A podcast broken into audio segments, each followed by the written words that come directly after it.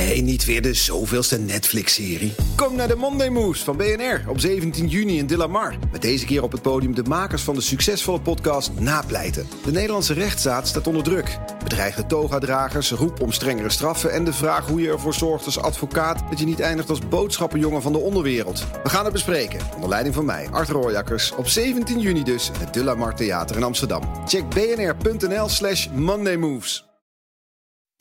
BNR Werkverkenners wordt mede mogelijk gemaakt door BrainNet. BrainNet voor zorgeloos en professioneel personeel inhuren. BNR Nieuwsradio. Werkverkenners. Rens de Jong. Steeds meer bedrijven zijn echt bewust bezig met een diversiteitsslag. Nou, eerder was het thema al aan een opmars bezig. Toen kwam de financiële crisis uh, en toen nam de aandacht er eigenlijk weer voor af.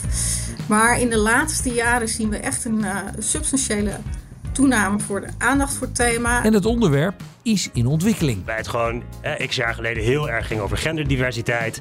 Dat is een thema wat nog steeds speelt, Mhm. actueel is, relevant is. Maar het wordt wel steeds breder getrokken. Het is ook gewoon in het belang van de organisatie. Dat hebben studies ook laten zien. Hè? Als het niet divers genoeg is, dan uh, is het bedrijfsresultaat minder. Dus Mhm. dat weten we wel. Maar met het bewustzijn en de wil om diverser te worden, zijn we er nog niet. Men vindt het lastig om iemand aan te stellen die niet helemaal dezelfde gebruiken, op dezelfde scholen misschien gezeten heeft of dezelfde carrièrepaden doorlopen heeft. En het aanbod lijkt ook gewoon te klein te zijn. Neem vrouwen in de leeftijd dat ze kinderen krijgen. Je ziet dus precies in die laag dat het dus niet doorstroomt, dat het ook wegvalt. Mhm. Waardoor de pool van vrouwen om door te laten stromen naar de top, die wordt steeds dunner en dunner. Ja, minder focus op ervaring, dat wordt genoemd als een mogelijkheid om die pool groter te maken. Al zijn er situaties denkbaar waar ervaring toch echt nodig is. Bijvoorbeeld een organisatiebrede verandering doorvoeren waarbij weinig risico genomen kan worden. Dan is het nou, ook logisch dat mensen kijken van wie heeft dat al een keertje eerder gedaan. Ik zal hier niet verkondigen dat we daarvan af moeten. Werkverkenners. Bedrijven zijn echt gerichter op zoek naar mensen die hun bestuur diverser kunnen maken. Dat merken de bureaus die voor de zoektocht worden ingeschakeld. Ik ben Mele Koestra, ik ben directeur-oprichter van Colorful People. En Colorful People is een search- en adviesbureau opgericht in 2000. Merk je dat organisaties veel meer op zoek zijn naar diverse mensen? Ja, dat, uh, dat merken we zeker. En we zien dat die aandacht niet alleen aan, aan de bestuurskamers zeg maar, uh, zich uh, voltrekt. Maar dat meerdere groepen zich er ook in mengen in de discussie. Hoe doe je dat, dan? je ook, meerdere groepen binnen het bedrijf? Nou, dat ook van onderop groepen zich bewegen en, en roeren. En die ook zeggen van, goh, hè, waar is mijn perspectief op het verhaal? Dus je ziet dat, dat, dat er echt wel een uh, transitie gaande is in Nederland. Die uh, naar mijn idee toch een iets andere is dan uh, de keer die we hiervoor heb, hebben gehad... toen ook die opleving er leek te zijn. En waarom is het dan nu anders? Nou, ik denk dat ontwikkelingen uh, zoals de MeToo-beweging, de Black Lives Matter-beweging, de aandacht voor ook uh, andere gemarginaliseerde groepen die onvoldoende zichzelf gerepresenteerd zien in bestuurslagen ook, zich echt ook beginnen te roeren en ook een grotere emancipatie aan de orde is. Ja, en, en dus zie je, heb jij het gevoel, het, dit gaat niet meer weg ebben, dit verhaal? Nee, dat denk ik uh, niet zo makkelijk meer. Nee. Ja. Wat natuurlijk daarin ook interessant is, is dat niet alleen het denken over diversiteit en inclusie en equality zeg maar veranderd is, maar ook natuurlijk gewoon uh, op dit moment de enorme schaarste op de arbeidsmarkt ook uh, het thema enorm helpt. Hè? Dus, dus dat, dat is een bijkomend effect wat het ook een flinke wind in de zeilen geeft, zeg maar. En waarom eigenlijk? Ik hoor namelijk aan de andere kant hoor ik het verhaal, ja, als we dus boards of sowieso mensen, eh, bedrijven diverser willen krijgen, dan zijn vooral, um, laten we zeggen, recruiters dezelfde pool aan mensen aan het rondpompen. Nou, dat vind ik wel een hele interessante. Ik zit zelf in de Amsterdam Economic Board, waar ik me ook hard probeer te maken voor dat we alleen impact op dit thema gaan maken als we ook naar de volledige keten gaan kijken. En wat bedoel ik daarmee? De volledige keten is ook dat bedrijven ook daadwerkelijk door ook recruitmentbureaus, searchbureaus geholpen worden door het aanleveren van ook een diverse pool aan talenten. En wat je tot nu toe denk ik nog veel te veel gezien hebt, is dat dezelfde pool van mensen voorgedragen worden. Wij horen heel vaak van organisaties die bij ons aankloppen van goh, uh, we willen wel heel graag, maar ja, we krijgen weer steeds dezelfde type mensen uh, voorgedragen. En dat willen we juist nu gaan doorbreken. En waarom, en waarom Dus pompen we diezelfde groep mensen rond? Waarom is dat? Want er is volgens mij veel meer talent. Zonder mijn goede collega's tekort te doen, die natuurlijk ook er echt wel werk van maken. Maar zie je toch ook dat het begint bij uh, practice what you preach. Kijk naar de samenstelling van een gemiddelde uh, searchbureau en je hebt het antwoord. Dus het heeft ook echt alles te maken met uh, wie heb je in je netwerk? Hoe kijk je naar talent? Heb je die mensen ook in je vizier? En dat is natuurlijk hetgeen waar wij al 22 jaar in geïnvesteerd hebben, omdat we het belang zien van diversiteit en inclusie. Mijn volgende gast merkt ook dat het voor organisaties makkelijker wordt om het thema diversiteit aan te kaarten. Ik ben Liam Chongachu, ik ben consultant bij Egon Zeender en wij zijn een internationale executive search en development firma. En ik ben werkzaam in ons kantoor in Amsterdam. Ja. Krijgen jullie vaker de vraag om te zeggen: uh, ik wil echt een divers profiel hebben? Ja, laat me het even één stap terugnemen. Ik denk dat het thema diversiteit, mm -hmm. dat, dat zien we gewoon steeds, steeds verder groeien. En ook uh, groeien in wat mensen daarmee bedoelen. Men is ook steeds comfortabeler en bewuster om het te hebben over culturele diversiteit, etnische diversiteit, diversiteit van seksuele voorkeur. Ook, ook op leeftijd denk ik dat er soms een discussie is van hey, hoe kan je nou een samenstelling in een team uh, hebben waar ook verschillende leeftijdsgroepen in zitten. Dus dat is een discussie die we steeds vaker voeren. Ja. Het lijkt me wel lastig om over al die assen diversiteit te bereiken. Ja, en ik denk niet dat je er zo, zo over na moet, uh, moet denken. Ik denk dat het punt veel meer is dat er over gesproken wordt. Mm -hmm. Dat er een bewustzijn is dat hè, wat diversiteit ook kan brengen. Ja. Je ziet dat bedrijven uh, graag hierover spreken vanuit een moreel en, en ethische uh, achtergrond. Ook denk ik aangewakkerd door het maatschappelijk debat. Maar dat er ook veel meer bewustzijn is van wat diversiteit nou echt ook vanuit een business context kan brengen. Ja. Er zijn studies gedaan gewoon aantonen dat diverse teams betere teams uh, zijn. Met ook de financiële resultaten die erbij horen. Ja, er wordt over gesproken. Wordt het ook echt doorleefd? Het hangt er een beetje vanaf wat je ermee bedoelt. Ik denk mijn antwoord erop zou zijn ja. In de zin van dat er echt niet alleen over wordt gesproken. Maar ook de echte intentie er is om er iets mee te doen. Mm -hmm. Als jouw vraag is van hè, zie je dat één op één doorvertalen in veel meer diverse recrutering, ja. dan is het denk ik het beeld iets genuanceerder. En waarom omdat, is dat genuanceerder? Ja, omdat ik denk dat de wens er in uh, sommige gevallen wel is, maar het niet altijd even goed lukt. Het is uiteindelijk altijd een, uh, een spel van meerdere factoren waar je naar moet kijken als je een, uh, als je een plaatsing doet, als je een recrutering doet. En ik denk zeker in het segment van, van de markt waar wij in actief zijn, wat vrij hoog, hè, raden van commissarissen, raden van bestuur zijn. Ja, dat zijn hele complexe rollen en, en ook uitdagende ja, challenges waar die executives voor staan. Waarbij het nou, een wens kan zijn om diversiteit aan te trekken, maar natuurlijk ook heel erg wordt gekeken naar wat zijn dan de kwalificaties die iemand moet brengen. Ja.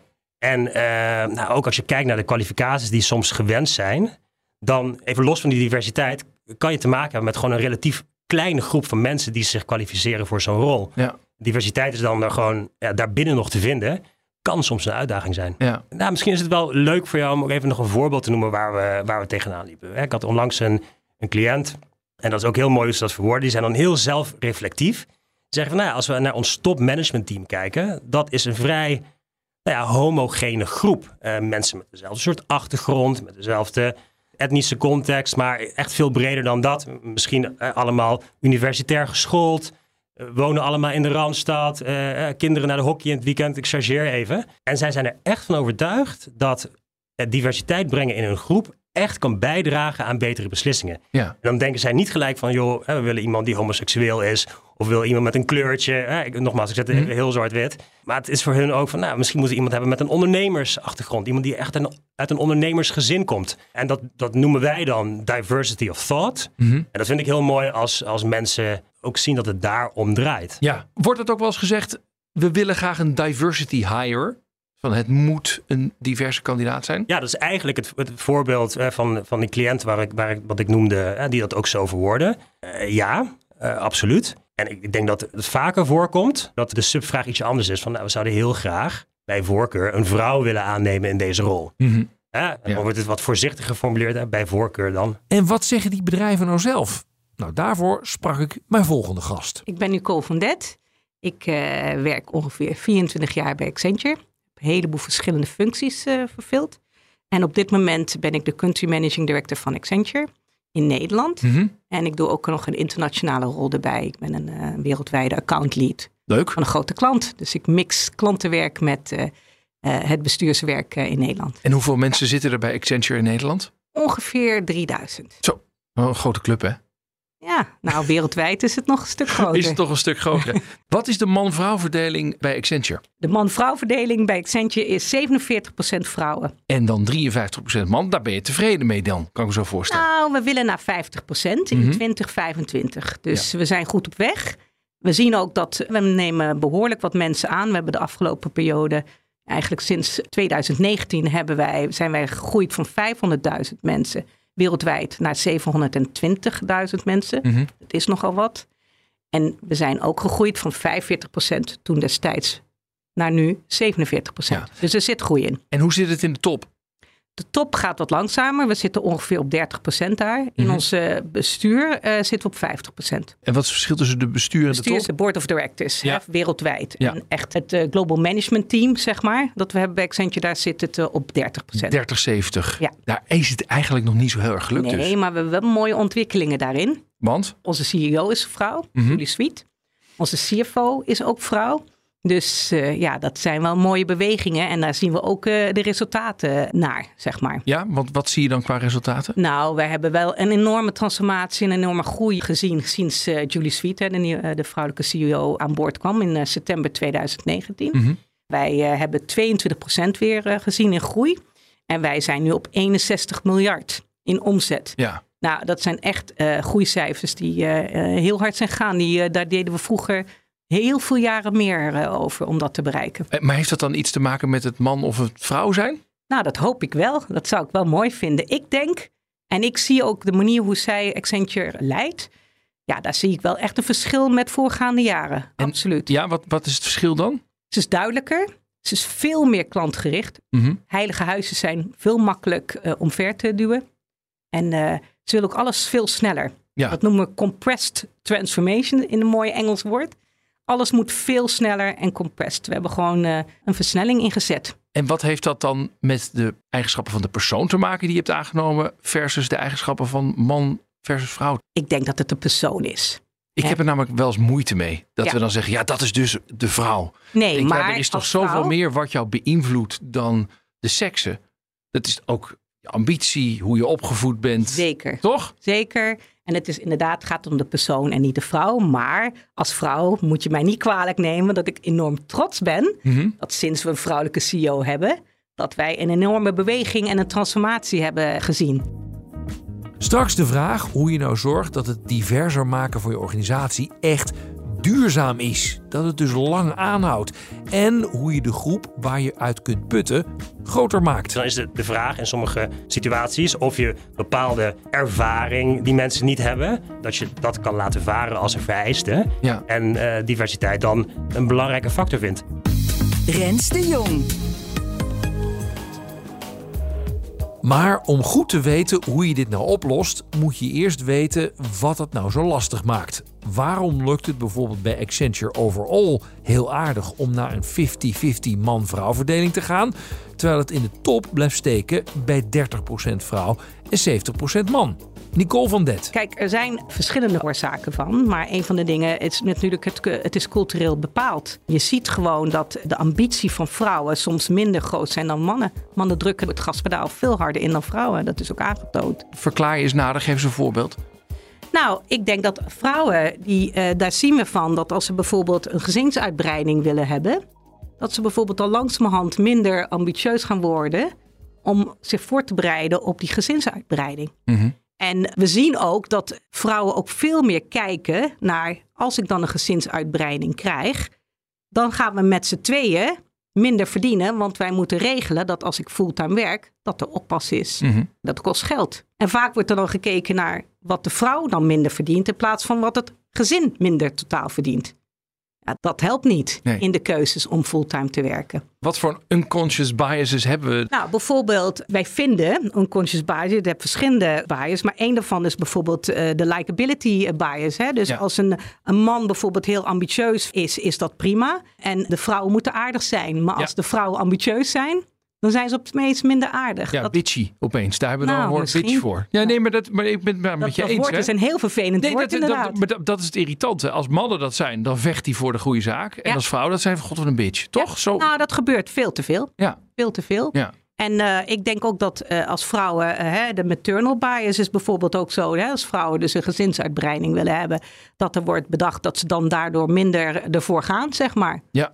En eh, ja, dat helpt niet. Met je- name in Nederland trouwens. Ja? Ja, ik zie dat, de, dat eh, in Nederland is, is de vijver dunner, zeg maar, eh, eh, dan in het buitenland. Ja. En eh, ja, iedereen wil naar 50, 50 procent in Nederland. Dus we vissen ook allemaal in die wat eh, minder grote pool. Aan Liam Chonga-Chu van Egon Zender leg ik een voorbeeld voor dat in het FD stond. Een boord vroeg om diversiteit en inclusiviteit en het bureau dat de kandidaat leverde, die dat bracht, merkte dat er na een jaar al helemaal niets van haar rebelse inbreng over was en dat ze niet serieus werd genomen omdat de rest van de boord nog volgens het oude systeem bleef werken. Ik ken het specifieke voorbeeld niet, dus ik ken de context niet. Alleen, ik vind dat ergens misschien ook niet helemaal recht doen aan eh, dat eh, toe te schrijven aan een factor van eh, meer diversiteit willen. Want wij zien vaak genoeg dat mensen eh, in een positie worden geplaatst, of vaak genoeg, het- laat, laat me het anders verwoorden. Het komt ook wel eens voor dat iemand die totaal niet, in die zin een, een typische diversity hire is, Mhm. dan helemaal past in de organisatie waar ze dan komen. Dat proberen we zoveel mogelijk vooraf af te dichten om een inschatting te maken van wat is iemands soort van werkcultuur en past dat bij de cultuur van dat bedrijf. Maar om dat nou toe te schrijven aan het, het feit dat het een rebelse vrouw is, vind ik vrij ver gaan. Ja, maar je zou wel kunnen zeggen, eh, dat hebben we vaak in de inclusiviteitsdiscussie. Je kunt wel uitgenodigd worden op het feestje, maar als je niet mee mag doen op de dansvloer, begint het toch wel redelijk saai te Ja. worden. Dat hoor je wel vaker. Dat je zegt, ja, Ja, weet je, je komt dan binnen, je bent Ja. binnen de muren, maar dan gaan de oude, nou ja, molens toch weer draaien zoals altijd al draaien. ja, dus laten we dat dan inderdaad plaatsen in de context van de wens van organisaties om diverser te worden. Mhm. In die zin ben ik het met je eens. Het is één ding om mensen binnen te krijgen. Maar er is ook een interne cultuuromslag nodig. Bij het ene bedrijf misschien meer dan bij de ander. Om wat bewuster te zijn van eh, hoe mensen kunnen verschillen. Hoe een verschuiving in de samenstelling van eh, de bedrijfspopulatie een impact weer kan hebben op de manier waarop je met mensen samenwerkt. Eh, je ziet dat er heel veel bedrijven zijn die echt investeren in trainingen als unconscious bias. Wat zijn nou de onbewuste voordelen Ja. die je over mensen kan hebben? En hoe kan je daar zo goed mogelijk mee omgaan? Ik denk dat het feit dat dat steeds meer op de agenda staat, in ieder geval op de midden- en langere termijn, zou moeten bijdragen aan succesvol diversiteit. Melek Oesta van Colorful People ziet dat je er met goede wil en intenties nog niet bent. Op een integere manier dit punt willen agenderen en beetpakken is één ding, maar het vervolgens toepassen en ook met je eigen biasen die je hebt, want die hebben we allemaal, vervolgens omgaan is nog een tweede. Met andere woorden, wat de boer niet kent, dat lust hij niet verhaal eh, eh, doet zich dan voor. Dus in die zin zie je toch wel dat vooral bestuurlijke posities volop bezet worden door, laten we zeggen, de hoogopgeleide, witte, heteroseksuele man uit de Randstad. Die, die zich ook helemaal niet bewust is van eh, de, de uitsluitingsmechanismen. Maar goed, daar zijn wij dan weer voor. Want als wij ons werk goed gedaan hebben, en dat proberen we zo goed mogelijk te doen door aan de voorkant goed scherp te krijgen, beste klant, wie zoeken jullie en wat is complementair aan het zittend team? Dan kunnen we later in het proces, op het moment dat ze moeite lijken te hebben met kandidaten die niet heel erg op hen lijken, ook indringende vragen stellen. Jij zegt, je levert ko- goede kandidaten aan, eh, die absoluut ook extra eigenschappen hebben. En dan toch schiet die bias erin. Leg me eens uit hoe dat proces gaat in zo'n gesprek of in het nagesprek. Dat kan heel subtiel zijn. Kijk, soms kan het gebeuren dat ze de keuze hebben tussen een kandidaat die goed is, maar die wel erg op hen lijkt, en een kandidaat die ook goed is, eh, maar niet op hen lijkt. En waar schiet men dan in de oude reflex? Dat men soms kan zeggen van ja, in de communicatie vond ik hem of haar toch wat minder scherp. Het kan zitten in hele subtiele kleine dingen. Het kan zitten in dat men iemand eh, te snel vindt of eh, nou ja, toch een beetje een outsider. Hè? En zo wordt dat never nooit benoemd. Maar je voelt dat het, dat het hem zit in die hele subtiele kleine dingen vaak. Oké, de veel is er duidelijk wel, maar er zijn ook zeker factoren die het lastig maken. Dus graag wat hulp en advies voor de welwillende organisaties.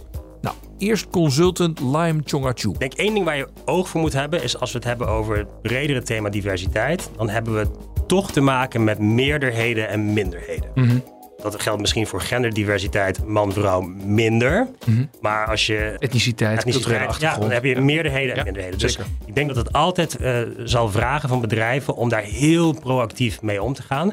Dus laat me dan zo verwoorden, als ik kijk naar voren, wat moet er gebeuren? Die positieve trend van bewustzijn, dit willen, dit verankeren ook in de bredere strategie van bedrijven, die moet eigenlijk worden doorgezet. Da dat verwachten we ook dat dat gebeurt. En ik denk dat ook wij als searchfirma daar een rol in kunnen spelen. En ik denk dat het andere wat er moet gebeuren, en ook daar zien we een verschuiving, dat die discussie te voeren over eh, potentieel.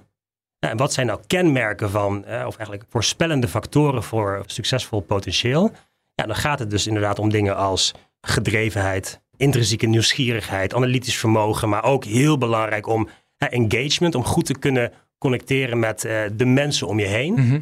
Dat zien wij vanuit onze praktijk, dat dat hele belangrijke factoren zijn die voorspellers zijn van positief en succesvol eh, gedrag. Mhm. En dat veel meer verweven in zo'n proces, daar moeten we het van hebben. Ja. Want het punt is natuurlijk, ja, als we alleen maar blijven kijken naar ervaring, dan wordt die pool natuurlijk nooit diverser, toch? Ja, en daarom zie je ook wel dat de bereidheid om daar creatiever over na te denken Mhm. en verder te kijken dan enkel het cv, ja, die zien wij gewoon echt wel groeien. En dat is denk ik ook als je vooruitkijkt, een discussie die we met elkaar en ook met cliënten steeds vaker voeren. Dan hè, eh, moet je door de lens kijken van wat iemand in het verleden al gedaan heeft, of moet je veel meer kijken naar ervaringen die mensen hebben, misschien buiten hun professionele leven, in de privésfeer. Mhm. Of elementen zoals nieuwsgierigheid, gedrevenheid, analytisch vermogen. Om eigenlijk gewoon heel snel up to speed te komen Ja. in zo'n functie. Nicole van Det van Accenture hamert op werken aan vanzelfsprekendheid. En het belangrijkste daarin is, is gewoon te zorgen dat die gelijkheid, dat die er is. En dat het gewoon volstrekt normaal is Ja. dat we gewoon divers zijn. Ja. Dan los je alles veel makkelijker op. Ja. En ik zie ook in alles, hè, als het gaat om performance, als het gaat om aanname, hoe meer vrouwen in de top zijn, hoe meer vrouwen daar ook continu op letten samen met de mannen, Mhm. hoe meer het normaal wordt en het eigenlijk geen di- discussie meer wordt en die bias ook weggenomen wordt. Ja. Dus dat is gewoon belangrijk. Dat we daarom is die 50-50 zo belangrijk. Ja. Het moet gewoon normaal worden. ja. Hoe krijgen we het normaal? Door steeds meer vrouwen te encouragen het normaal te vinden. Mhm. Steeds meer vrouwen ook te coachen. Dat je eigenlijk, als je langer doorwerkt. Hè, je kunt ook vier keer negen werken. Dat is eigenlijk best wel normaal geworden. Ook in de consultiewereld, wat vroeger niet zo was. Er zijn een heleboel zaken die wij hebben eh, geïntroduceerd om te zorgen dat het makkelijker eh, is om langer te blijven eh, bij ons. Maar we helpen ze ook door te coachen en te trainen. En we, we helpen ook eh, vrouwen die een, bijvoorbeeld een andere opleiding hebben gehad. Bijvoorbeeld eh, een psychologieopleiding. Die proberen we eh, en, te trainen in tech-opleidingen. Bijvoorbeeld waardoor die pool van mensen die relevant zijn voor ons groter wordt. Dus we zijn daar zelf ook actief in bezig. En nou hebben we het alleen nog maar over één manier van diversiteit. Er is nog veel meer. Er is nog zoveel meer die misschien mensen en hun eigenschappen die je nodig hebt binnen een bedrijf nog veel meer beïnvloeden dan de seksen. Zeker. En dat is namelijk culturele achtergrond Zeker. en hoe je opgevoed bent. Ja. Hoe ga je daarmee om? Nou, we hebben daar ook een actief beleid op. Hè. En, eh, en, eh, en eh, we hebben zes netwerken. Ik zal een paar noemen. We hebben Pride Network, een cross-cultural network, uiteraard ook een gender network. En we proberen in die netwerken te zorgen dat we mensen stimuleren om aan te geven waar het niet werkt. Ook mensen aan te nemen en, en, en het netwerk te gebruiken om meer mensen uit die, uit die doelgroep eh, aan te nemen. Hè. Dus eh, vaak gebeurt dat ook via referrals. Dat is de meest effectieve manier. Je hoort de metafoor vaak in deze discussies over wel uitgenodigd worden op het feestje, maar niet op de dansvloer. Ja. En je hoort volgens mij ook best vaak van vrouwen, maar denk ook mensen met een andere eh, culturele achtergrond van die gaan na een tijdje weer weg omdat ze het idee hebben dat hun inbreng niet serieus wordt genomen. Hm. Is dat iets wat op jouw radar staat? Het staat sowieso heel erg op mijn radar. Ik herken hem niet helemaal. Mhm. Ik moet ook zeggen, dat is dan weer het mooie van Accenture wereldwijd. Wij zijn wereldwijd een heel diverse organisatie. Je moet je voorstellen, we hebben 300.000 mensen in India waar we dagelijks mee werken. En mensen in Azië en in Brazilië, ze komen overal vandaan. Dus iedereen bij ons is gewend om in een heel diverse omgeving te werken. Dat komt heel natural. Volgens Melek Oesta draait het om weten wat je zoekt. Wat wij wel proberen te doen is met een opdrachtgever ook goed te kijken naar wat de, de missing link is. Hè? Of, oftewel wat, wat de aanvullende kwaliteiten van een, laten we zeggen, nieuwe toezichthouder of een nieuw directielid zou moeten zijn. dus het mag niet heel plat sec gaan om iemand van kleur of uh, een vrouw. Overigens is dat voor de representatieve factor ook wel een belangrijke, laat ik dat onderkennen. Maar je wil natuurlijk ook goed kijken wat zo iemand toe te voegen heeft. Dus wat heel belangrijk is, is in die eerste intake die we doen en de interviewreeksen die we houden met onze opdrachtgever, is goed kijken naar welke kwaliteiten zijn al belegd in een managementteam, directieteam of een raad van commissarissen. En wat zou nou complementair kunnen zijn? En 9 van de 10 keer kom je erop uit dat het ook goed zou zijn als het iemand is die juist ook iets vertegenwoordigt wat de zittende mensen niet hebben. Mhm. maar... Overigens koppelen we dat ook altijd wel aan wat is de opgave? Wat is, wat is de belangrijke opgave voor de organisatie voor de komende tijd? En aan welke vraagstukken moet worden gewerkt waar ook eh, de kandidaat die wij zoeken verstand van moet hebben. Maar is het dan zo dat jij zegt, we kijken eerst wat voor een eigenschappen uh, die persoon nodig heeft, vanwege de challenges die dat bedrijf heeft, en daarna ga je zeggen, nou laten we eens even gaan kijken. En wij denken dat daar dan ook een diverser iemand uitkomt. Of is het andersom? Dan zeggen nou, we zoeken eerst een diverse iemand en dan gaan we even kijken welke eigenschappen dat zijn. Sterker nog, het is vaak een adding van. Als ik een voorbeeld mag noemen, wij doen veel uh, opdrachten voor uh, woningcorporaties. Daar leveren vaak uh, ook commissarissen voor de raden van commissarissen. En wat we zien is dat, nou, sowieso heb je natuurlijk vanuit de governance-richtlijnen belangrijke kwaliteiten en kennisdomeinen die afgedekt moeten zijn. Hè. Dat heeft te maken met volkshuisvesting, dat heeft te maken met financiën. Je hebt ook verschillende commissies.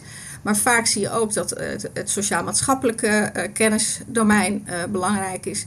Nou, dat is vaak allemaal heel keurig belegd in zo'n raad van commissarissen. Maar als je dan verder inzoomt en kijkt hoeveel van die commissarissen in zo'n raad van commissarissen zelf ooit in een sociale huurwoning bijvoorbeeld gewoond hebben, of überhaupt mensen kennen die in een sociale huurwoning wonen, kan ik je vertellen dat dat er bar weinig zijn. Mhm. En hoe fijn is het dan als je bijvoorbeeld een commissaris zoekt uh, met een uh, financieel profiel, die uh, ook in de auditcommissie zitting gaat nemen, die toevallig zelf ook ooit in een sociale huurwoning gewoond heeft. En dus van, van persoonlijke ervaring, doorleefde ervaring, weet wat het betekent om op te groeien in een gezin waar ouders een kleine portemonnee hadden en weinig geld te besteden hadden.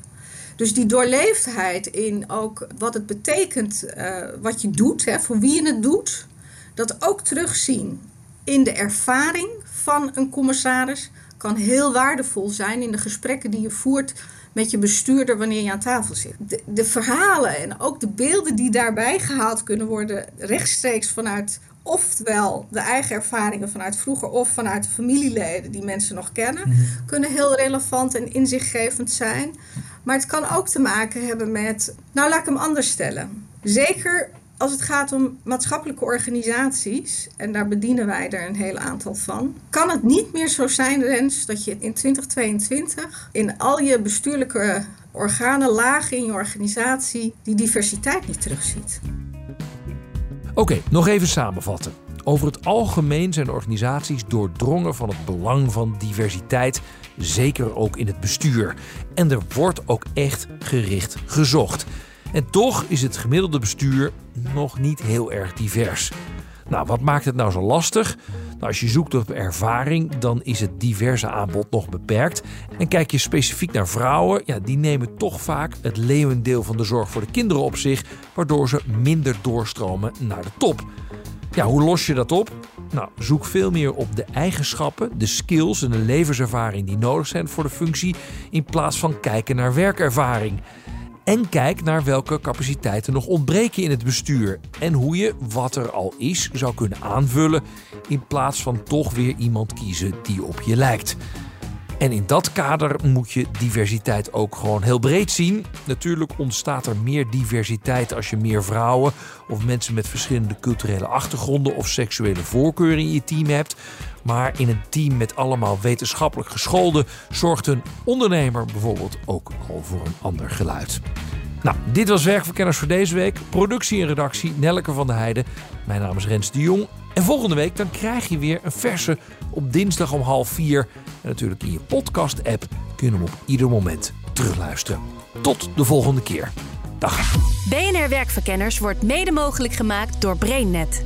BrainNet voor zorgeloos en professioneel personeel inhuren. Bij BNR ben je altijd als eerste op de hoogte van het laatste nieuws. Luister dagelijks live via internet. Bas van Werven. En heel langzaam komt de zon op rond dit tijdstip. Je krijgt inzicht in de dag die komt op BNR, het Binnenhof in Nederland en de rest van de wereld. De Ochtendspits. Voor de beste start van je werkdag. Blijf scherp en mis niets.